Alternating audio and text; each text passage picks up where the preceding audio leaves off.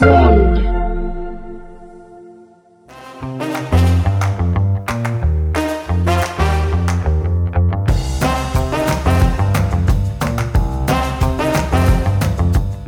ben Ussal Şahbaz. Global İşler Podcast'inin ikinci sezonuna hoş geldiniz. Bugün her zaman olduğu gibi sizlerle Want Media Network'ün Emirgen stüdyolarından beraberiz. Çok özel bir konuğum var. Şeref Oğuz, ekonomi basınının duayeni. Şu an Ekonomi Gazetesi yazarı ve daha birçok yaptığı iş var. Hoş geldiniz Şeref abi. Hoş Şeref bulduk. verdiniz. İyi yayınlar diliyorum. Bugün değişik konulara temas edeceğiz ama şöyle bir başlamak için e, belki sizi tanımayanlar da olabilir ama böyle tanıtmayalım bence. Nasıl olsa konuşurken sohbetin içinde tanıyacaklar isteseler de istemeseler de dinleyicilerimiz. Ama şu andaki benim de zevkle yazdığım Ekonomi Gazetesi'nde her gün yazıyorsunuz değil mi? Evet. Bir de ayrıca bir kamu spotu var. O daha eskiden geliyor. Kamu spotu ismi üstünde insanlar pek okumayı sevmiyorlar. Ben de tuttum biraz grafiti tadında mesajları kısa kısa verebilir miyim diye. Aşağı yukarı 5 seneye yakındır her sabah saat 7'de kalkarım. O gün kafama ne takıldıysa hangi sorunu görmüşsem vesaire onu bir kamu spotu halinde kısaca yazıyorum. Bir de bu şey var komik san şerif bir karakter var hani Evet. biraz böyle karikatür Evet. yazıları. Onu da koydum ki hani bunu okuyun lütfen noktasında. Okunacak bir şey değil, bakılası bir şey. Fazla da bir şey değil. Bir buçuk dakika sürüyor her şeyiyle. bunu Okuması. al- okuması. Ama mesajı iletmiş Onu da oluyorsun. sosyal medyada paylaşıyorsunuz. Onu sosyal medyada Evet. paylaşıyorum her sabah. E, iki kere yapmadım. İkisinde de yoğun bakımdaydım. Birinde Covid'den dolayı, öbüründe kalp, beş ka- yıldır- kalp ameliyatından dolayı. Her sabah ibadet gibi kalkıp onu yapıyorum. Şimdi eskiden bunları böyle yapıyordum. Sosyal medyada paylaşıyordum. Şimdi yavaş yavaş bunu insan kaynakları alıp sirküler halinde dağıtmaya başladılar. Dün şeydeydim ben. Muğla'daydı. Muğla'da. Muğla'daydım. Birisi almış bunu poster yapmış bir tanesini duvara asmış kocaman insanlar Süper. okusun diye falan. Yani işte bu temel mesajları bir kamu spotunun esprisi şudur. Kamu yararı Evet. ve gördüğünü biraz insanların dikkatini çek. Mesela sinyal koluyla ne yapmayı düşünüyorsun diye bir kamu spotu yaptım. Çok fazla kabul görenlerden bir tanesi bu. Hani ne olur bu sinyal kolunu niye koymuş olabilirler acaba falan filan diye. insanlar biraz da hatırlatıcı. Bir de mesela trafik şu sıralar çok sıkıntı çektiğimiz için sol şerit keneleri diyorum. Yani gitmiyorsun bana da Gitmiyor, yol, yol, yol vermiyorsun.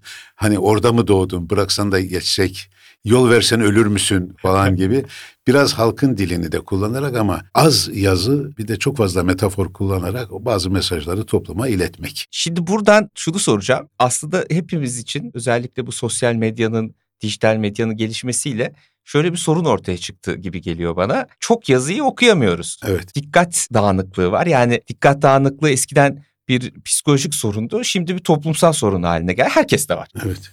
E ama bir yandan da bir şeylerin yazılması, okunması gerekiyor ki toplumda fikirler, yeni fikirler oluşsun, tartışılsın, sorunlar anlaşılsın, çözümler üretilsin. İnsanı insan yapan şey dil ve e, sonra da bunu yazılı hale. Evet. Yoksa bütün hayvanlar kendi aralarında bir şekilde haberleşebiliyorlar. Ne olacak bu işin sonu? Yani medyanın içinde sizin tabii Sen düşün o ben kadar... algılayalıma kadar gider bu iş. Ha, Neuralink. Neuralink'e ne kadar gider bu iş.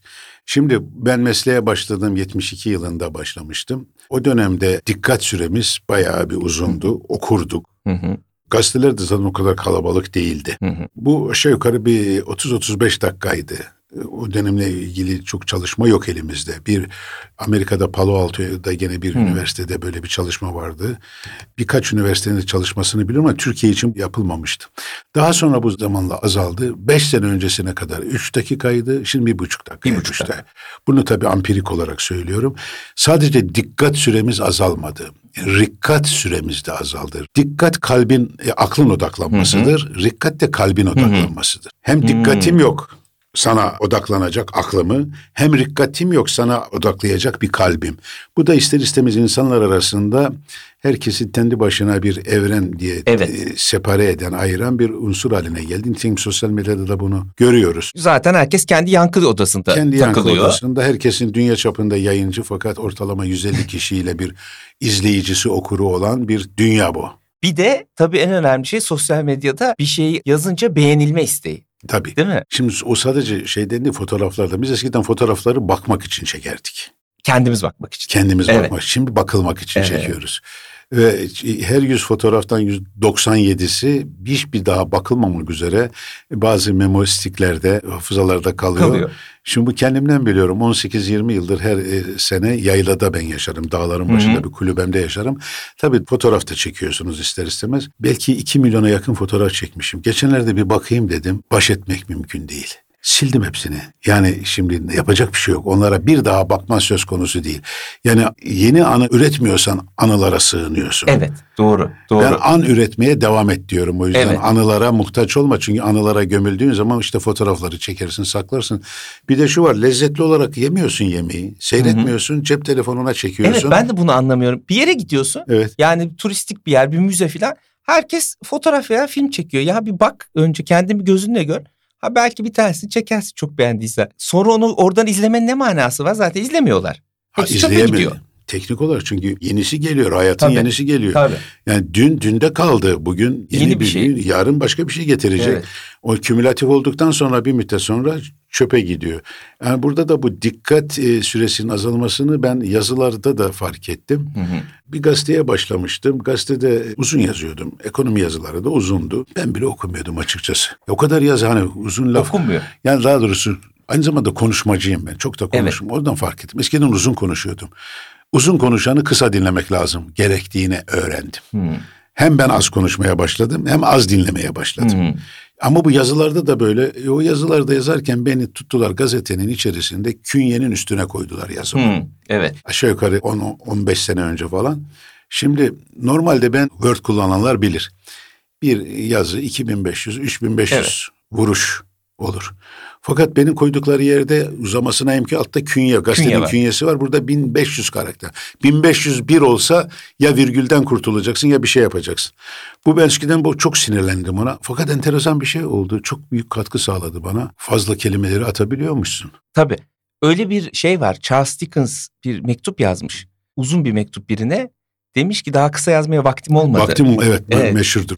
Ben de şimdi vaktim olmadığı için vaktim olmadığı için kısa uzun yazdım. Uzun şimdi dinleyicilerimize söyleyeyim ben de ilk yazmaya başladığımda işte üç buçuk dört sene oldu galiba. Yazıyorum yazıyorum uzun yazıyorum kısaltıyorum. Sonra bir gün Şeref abi beni aradı. Dedi ki ya dedi sen bu yazıları yazıp kısaltıyor musun dedi. Evet dedim. Öyle olmaz dedi. Kısa yazacaksın dedi. Baştan düşün dedi. Baştan, ne yazacağını. Evet. Üç tane nokta yaz dedi. Çünkü belli oluyor kısaltıldığı dedi. Yani o beynini toplama süreci bence evet. önemli. Hani yazayım bir daha şey yapayım falan değil. Bir önce düşünüp kısa da yazılabiliyor. Burada Michelangelo'ya atfedilen bir öykü vardır. O Musa heykelini yaparken bir kız çocuğu gelir yanına. Hı hı. Ne yapıyorsun burada diyor. Valla bunun mermerin içinde e, Musa var. Ona ait olmayanları atıyorum. Geriye Musa kalacak diyor. Şimdi eğer yazı yazarken kafanda bir düşünce varsa bu Hı-hı. büyük ihtimalle iki üç cümleyi geçmezdir. Evet iki üç cümleye eğer sığdıramıyorsan sen de yeterince anlamamışsın demektir evet, onu. Doğru. Onu yaptıktan sonra bunu ete kemiğe büründürmek ve anlar, örneklendirmek noktasında bir hareket alanı sana verir. Evet. Ama bu zannettiğin gibi insanların sular seller gibi kitap okudukları çağlar geride kaldı. Kaldı. İster istemez sen bunu belirli bir alana sıkıştırmak zorundasın. Şimdi bu gelen sürede bir buçuk dakikayı aşan hiçbir ne videoyu izliyorlar insanlar. Ne de yazı okuyorlar. Ne de yazı okuyorlar. Ne yapacaksın bu sefer? Efendim SMS ile bilim olur mu? Bilim olmaz ama farkındalık olur. Olur. Bilim okuyanı engellemiyorsun. Tabii ki. Yani orada merakını celbedersin, Tabii. çekersin, uyandırırsın. Oradan alıp o istediği kadar derinleştirebilecek bana bir pencere açarsın. Ama hepsini orada veremezsin. Şimdi bu e, yavaş yavaş bütün sosyal medya kullanıcılarında refleks haline geldi. Ama merebe yazıp ondan sonra noktalı virgül deyip sonra geçmek noktasına da gelmemesi lazım. Lazım. Biraz da içerik olması bir lazım. Bir de 2000-3000 yıl önceki işte bu şey sembolik dil var ya. Evet. Emoji dilinde. Evet. Emoji, emoji diline dönüyor değil mi artık? Tabii, bir öyle bir yani ya şimdi tarihe bakarsan mesela Hammurabi bundan 3800 yıl önce Babil sokaklarında dev tabletler koyarak yasalarını ilan etmişti. Ve tarihte yasayı bilmiyordum. Aa, adam öldürmenin suç olduğunu farkında değildim. Mazeretini oradan kaldıran Kaldırdı. Hammurabi'dir. Evet. Tabii o zaman tabletleri şimdiki kadar yüksek çözünürlük değil ama çok yüksek dayanıklı tabletlerdi. Evet. Şimdi orada da yazıyor işte vergi kaçıranın kellesi gider. Gerçi ne kadar işe yaradı. Kelleler de gitti, vergiler de kaçırıldı. Kaçtı. Şimdi o da bir mesaj. Evet. İnsanlarla mesaj. Peki oraya o mesajı sığdıracak kadar dili stilize edebilmek işte orada ozanlar devreye giriyor. Evet. Bizim dilimizi zenginleştiren insanlarımız ozanlardı ve Türkiye bu anlamda müthiş bir cennetin üstünde Evet. Yüzünde göz izi var. Sana kim baktı yarim kadar kıskançlığı hem e, bir şık hale getiren hem bu kadar güzel ifade eden başka hangi kelime Peki bir bulabilirsin? şey soracağım. Şimdi acayip bir kültürel taban var değil mi? Evet. Yani sözlü veya yazılı. Ama bizim yaptığımız iş açısından düşünelim. İşte mesela bir gazeteciliğinde ne kadar başka bir şeyin gazeteciliği de olabilir. Bu önemli değil. Siyasi gazetecilik de olabilir. Spor da olabilir. Çok teknikleşti gibi geliyor bana konular. Yani o insanların hani dil dünyasına, zihin dünyasına ve belki oradan duygu dünyasına o kadar bağlanmıyor Evet. içerikler. İşte rikkatin gitmesi dediğim Evet. bu işte. Bu niye böyle oluyor Şeref abi? Şimdi hayatın mekanizmi o kadar çok fazla sizi yoruyor ki ve üzerinize bilgi geliyor ki. Hı hı. Bir örnek vardır meşhur 100 yıl önce, 130 yıl önceki bir ömür boyu Hı hı. öğrendiğin bilgileri bugün bir günlük gazeteye sığdırabilirsin. Hayat Evet. böylesine hızlandı. Doğru. Karmaşıklaştı, ihtisaslaştı Doğru. Ve bir gün içerisinde bir insan aşağı yukarı eğer bir iki saatte televizyon izliyor ya da e, bir ekrana bakıyorsa, Hı hı. şimdi Hı hı. artık ne olduğu televizyon önemli değil. Tablet. bir ekrana bakıyorsa aşağı yukarı 70 milyona yakın mesaj alıyor. Hı. Dolayısıyla bu- kafa gidiyor. Şimdi bunların içerisinden nasıl baş edeceksin bunlar?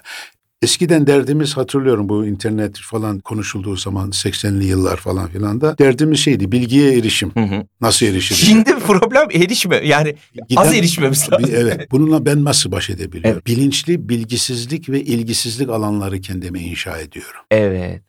Ancak baş edebiliyor. Çünkü o kadar bilgi içerisinde senin bunları bir miktarını ancak yoğurabilirsin. Hı hı. Diğerlerine ya ignor edeceksin ki bunların arasında senin işine yarayan bilgiyi de ignor edebilirsin. Ya da bir seçici bir bakış getirmen Evet. lazım. Bu da nasıl oluyor? Bazı alanları kendine kapatacaksın. Evet. Mesela ben kendimle ilgili spordan, e, futboldan hiç bilmem. Magazin hiç bilmem. Bu alanlarda o kadar körüm ki yani e, hatta dalga geçerler. Offside hala öğrenemedim. Ben de mesela futbolu hiç takip et. Çünkü bir de ona girsem futbolu takip edenlerle Bilmiyorum. asla bir Şey yok. küçümseme yok. Ben kendimi öyle edemiyorum. baş edebiliyorum. Evet edemiyorum. Ama şimdi elime bir tane Merkez Bankası'nın bir raporu ya da Hı bir Fed'in bir raporunu ver. Bir göz gezdirmeyle diyelim ki beş dakika sonra yayına çıkacaksam onu ezberleyebiliyorum. Evet. Ama onun yanı sıra hiç ilgi duymadığım bir şeyi bana saatlerce okudu anlamıyorum. Bu belirli alanlarda o bilgiyle baş etmek için kendimin geliştirdiği bir yöntem. Aslında herkesin de böyle bir yöntem e, uyduruyor. Hı. Fakat sorun burada şu. Seni üretici mi yoksa tüketici mi yapacak olan işte bu ayırttaki bilincin. Hı. Eskiden e, bilgisayarlar yeni yaygınlaşmaya başladığı zaman bir test yapardım salonlarda bu bilişim konferanslarında falan. Bilgisayarı olanlar parmak kaldırsın derdim. Eskiden tek tüktü sonra yavaş yavaş e, PC'ler yaygınlaşmaya Evet. başladı falan. Orada iki tane alet var diyorum. Biri klavye biri mouse.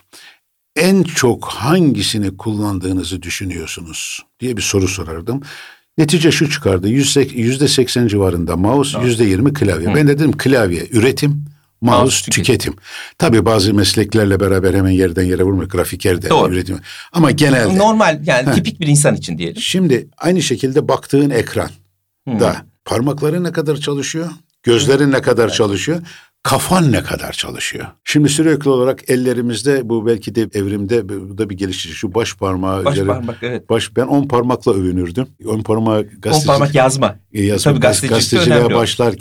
e, PTT vardı. Posta Telefon Telgraf Evet. Telekom'un atası.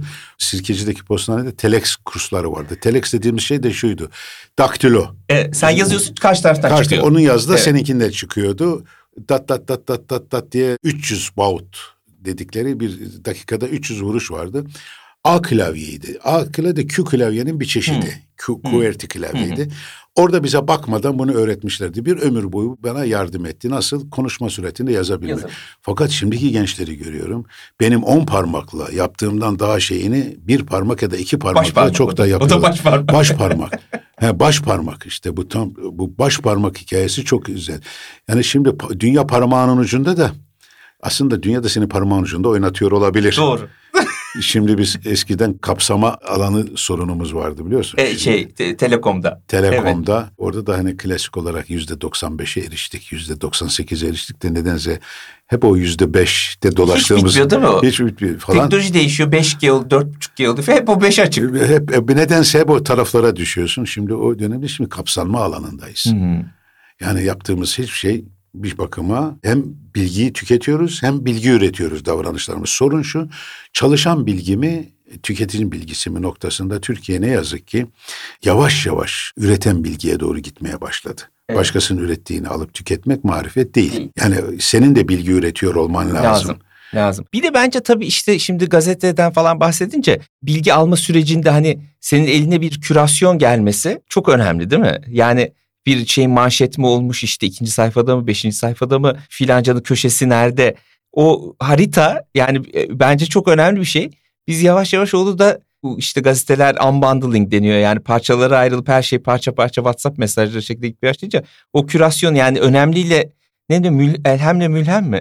Ehem mühim. Ha, hem mühim ayrımını da kaybediyor. Şimdi Biraz- o biz ona bir editoryal katkı diyoruz. Ha, bizim evet. mesleki karşılığı. Şimdi diyelim e, ben şu anda sana bugün ne okuman gerekiyor? Bence en önemli budur. Evet. Yanına bunu koydum. Senin uğraş alanlarına göre ma- magazinde şöyle bir şey var. Sporda bunlara Evet. bak diye sana bir seçkiler Evet. grubu sunuyorum ve bu seni rahatlatıyor. Evet. O rahatlama hissi çok önemli. Bana Evet. bunu verdi. Ve bana verdi. Sen de buna bakıp zamandan kazanıyorsun. Şimdi biz bunu web sayfalarına döktüğümüz zaman şunu fark ettik. O galeriler falan filan.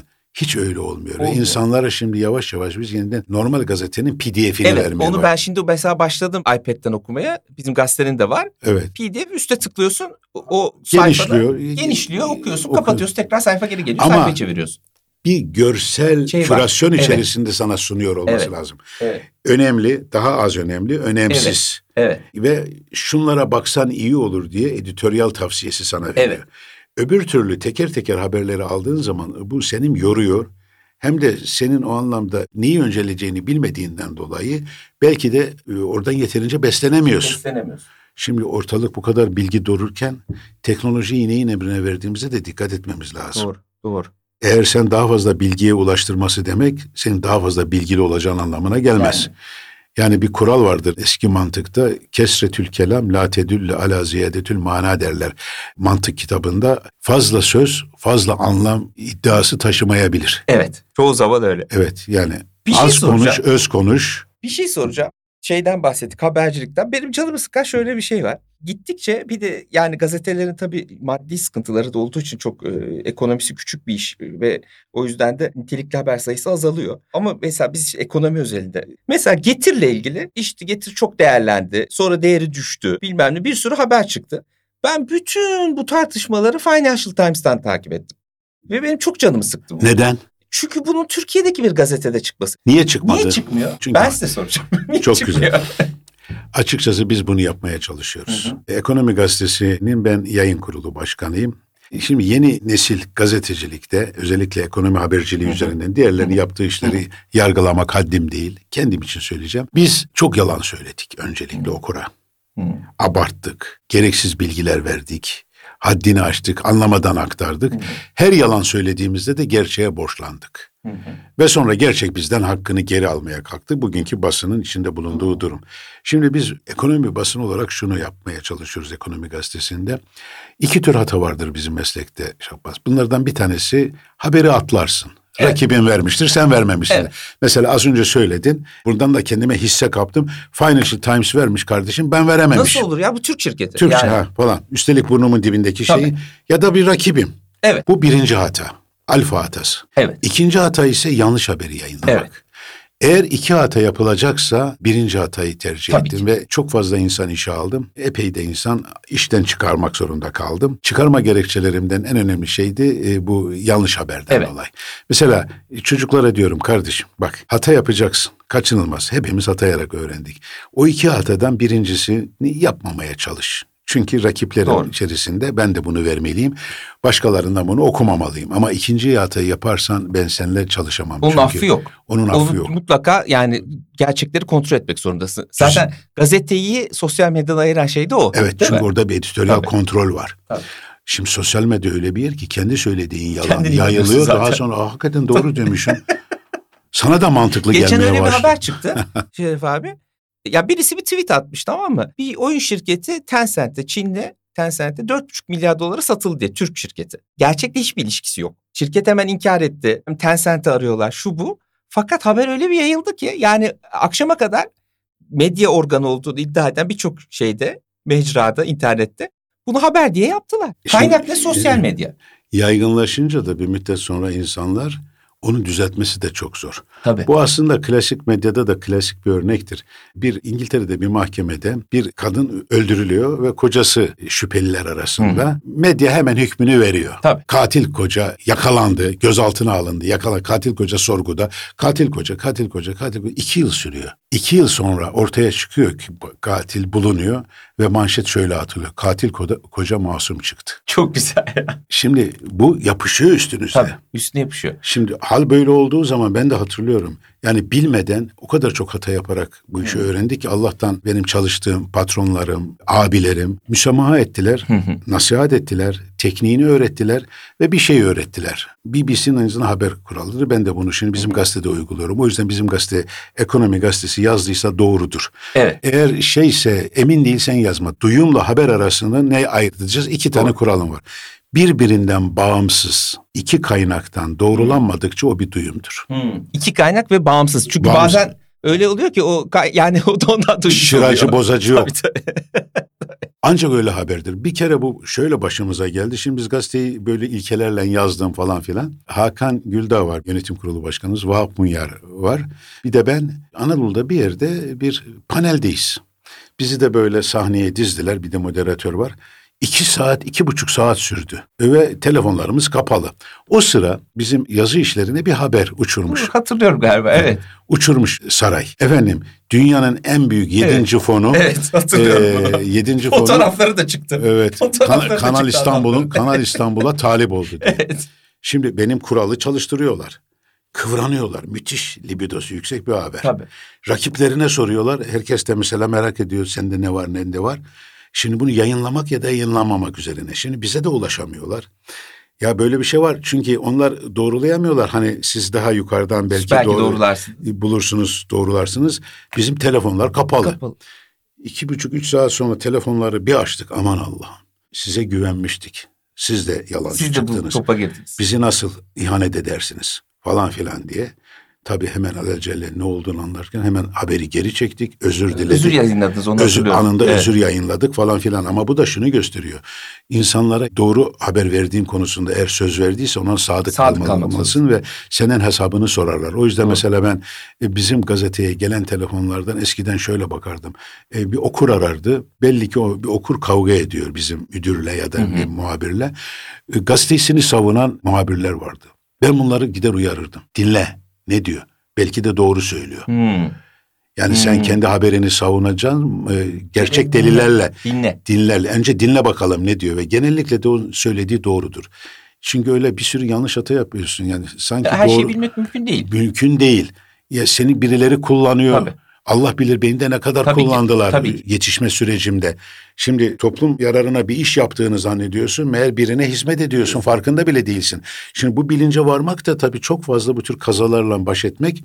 E, bir de aynı şekilde temel kurallara uymak. Temel kural çok basit kardeşim. Mesela Sokrat'ın üçlü filtresi var ya. Birisi gelir Sokrat'a der ki ya senin hakkında birisi bir şey söyledi. Bir dakika diyor. Filtrelerden geçirelim. Bu doğru mu? Emin değilim diyor. Bana yararlı mı? Değil. Güzel bir laf mı? Hayır hiç de değil. Tam rahatsız o zaman söyleme. Söyleme. Şimdi bu söylenen laf toplumsal yarar üretiyor mu? Hı hı. İkincisi kime hizmet ediyor? Ama en öncesi doğru mu? Doğru. Doğru mu?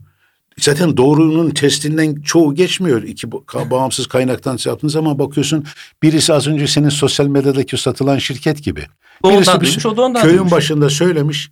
Sen köyün sonundaki adama diyorsun ki böyle bir şey var doğru mu? Kardeşim bunun erişeceğin bir şey yok. Haberin kaynağına ulaşman lazım. Burada sadece bizim gazetecilerin tutumu değil fakat aynı zamanda şirketlerin de tutumu önemli. Şimdi şirketleri PR'lar tutuyorlar. Evet. PR nedir? Public relation. Evet. Bu Bir aslında şey söyleyeyim mesela bence ilginç bir bilgi şimdi konuşmamız açısından. Amerika'da The Washington Post biliyorsunuz e, şeyin Jeff Bezos'un Amazon'da çalışan PR'cı sayısı The Washington Post'un muhabir sayısının iki katı. buyur. Şimdi bu ortamda yani çok zor Çok zor. gerçeğe ulaşmak. Şimdi şirket hakkında bir haber geliyor. PR'a gidiyorsun. PR bu haberi nasıl yalanlarım, bunu nasıl durdururum? Yani patronla arasında bir iletişim kattı, kolaylaştırıcı olmak yerine sütre oluyor. Bir Evet. kabuk geliştiriyor. Evet. Ve kontrollü haber oluyor. Evet. Ve ondaki bilgiyi alamadığın zaman gazeteci buradan bunu yayınlıyor. Bu sefer ben senin peşinde Allah ne olur bunun doğrusunu yayınla. Ben seni aradım. Aradım vermedim. Eğer sen söyleseydin bu yanlıştır diye Doğru. ben bu haberi kullanmazdım. Ya da senin görüşünü de işin içine katarak Katardım. yayınlardım ve böylece haber bir dengelenmiş olurdu. Bir iddia var iddiada şirket böyle diyor. Ama sen kesiyorsun benimle iletişimi başına bir bela geldikten sonra düzeltmeye çalışıyorsun. Şimdi o anlamda gerçeği aslında sevgili kardeşim kimse gerçekten yana değil. Hı hı. Değil mi? Ger- gerçek benden yana olsun diyorlar. Evet. Ve bence okur Çok da kötü. değil. Okur, da değil. Zaten O da yalan haberi seviyor işin Se- kötü tarafı. şimdi- Onlar daha çok klikleniyor. Şimdi bu- bugün bir sosyal medyada görsel yayınladım. İki tane bir sinema gişesi var. Bir burada şey var. Rahatsız edici gerçekler filmi. Burada da rahatlatıcı yalanlar. Herkes rahatlatıcı Yalanlar yalanlar kuyruğunda. Doğru. Rahatsız edici gerçekler kuyruğuna giren yok. Evet. Şimdi ama oraya giriyorsun da bunun sonu yok. Çünkü Doğru. gerçeğin er geç ortaya çıkmak diye kendi bir refleks, vardır. re- refleksi var. O refleks de gelip seni buluyor. O açıdan şimdiki gazetecilikte bence çok daha değerli bir noktaya gidiyoruz bu sosyal medyadaki kirlilik sebebiyle. O da Hmm. şu editoryal denetimin olduğu mecralar çok daha kıymetli hale O hale gelecek. Hatta bence bu chat GPT filan sosyal medyayı daha da kirletecek. Çünkü Çok e, daha metin üretmek çok daha kolaylaştı. Yani sıfır maliyet. Dolayısıyla gerçek editoryal beceri çok daha kıymetli hale gelecek. Ya- yapay zekayı daha nitelikli yalanlar üretme konusunda kullanabilirsin. Evet. Hatta pek çok yazar da galiba e, ciddi- kullanıyormuş. kullanıyorlar. Şimdi davada açmaya başladı. Evet. Sen bizim düşünce algoritmalarımızı vesaire buraya koyarak bize telif ödemelisin Evet. noktasına bir Tabii. orada müthiş Tabii. bir kavga var. Tabii. Ama o kavganın sonunda şu var. Gerçek kendini galebe çalacaktır. Hmm. Yani ve ama bu gerçeğin peşinde olan insan sayısının artacağı anlamında da değil. Değil. İhtiyacın artacağı. İhtiyaç artacak ve o da yani talebi arttıracak. Şöyle bir şeyle bitirelim istiyorum. Şimdi tabii gençler var gazeteci olmak istiyorlar ama para yok bu işte diyorlar. Yani ben seviyorum bu işi diyor işte özeniyorum diyor ama para kazanamayacağımı görüyorum diyor.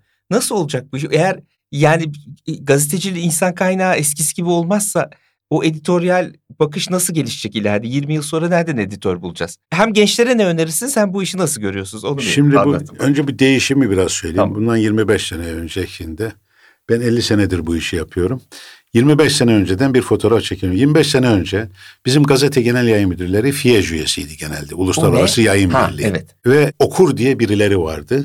Sonra gazete diye bir ürün vardı. Şimdiki şeyler TÜSİAD üyesi, iş dünyası üyesi oldu yayıncılar. E, okur yerine biz müşteri demeye başladık. Doğru. Gazete yerine ürün demeye başladık. Basın kartı da kredi kartına dönüştü. Doğru.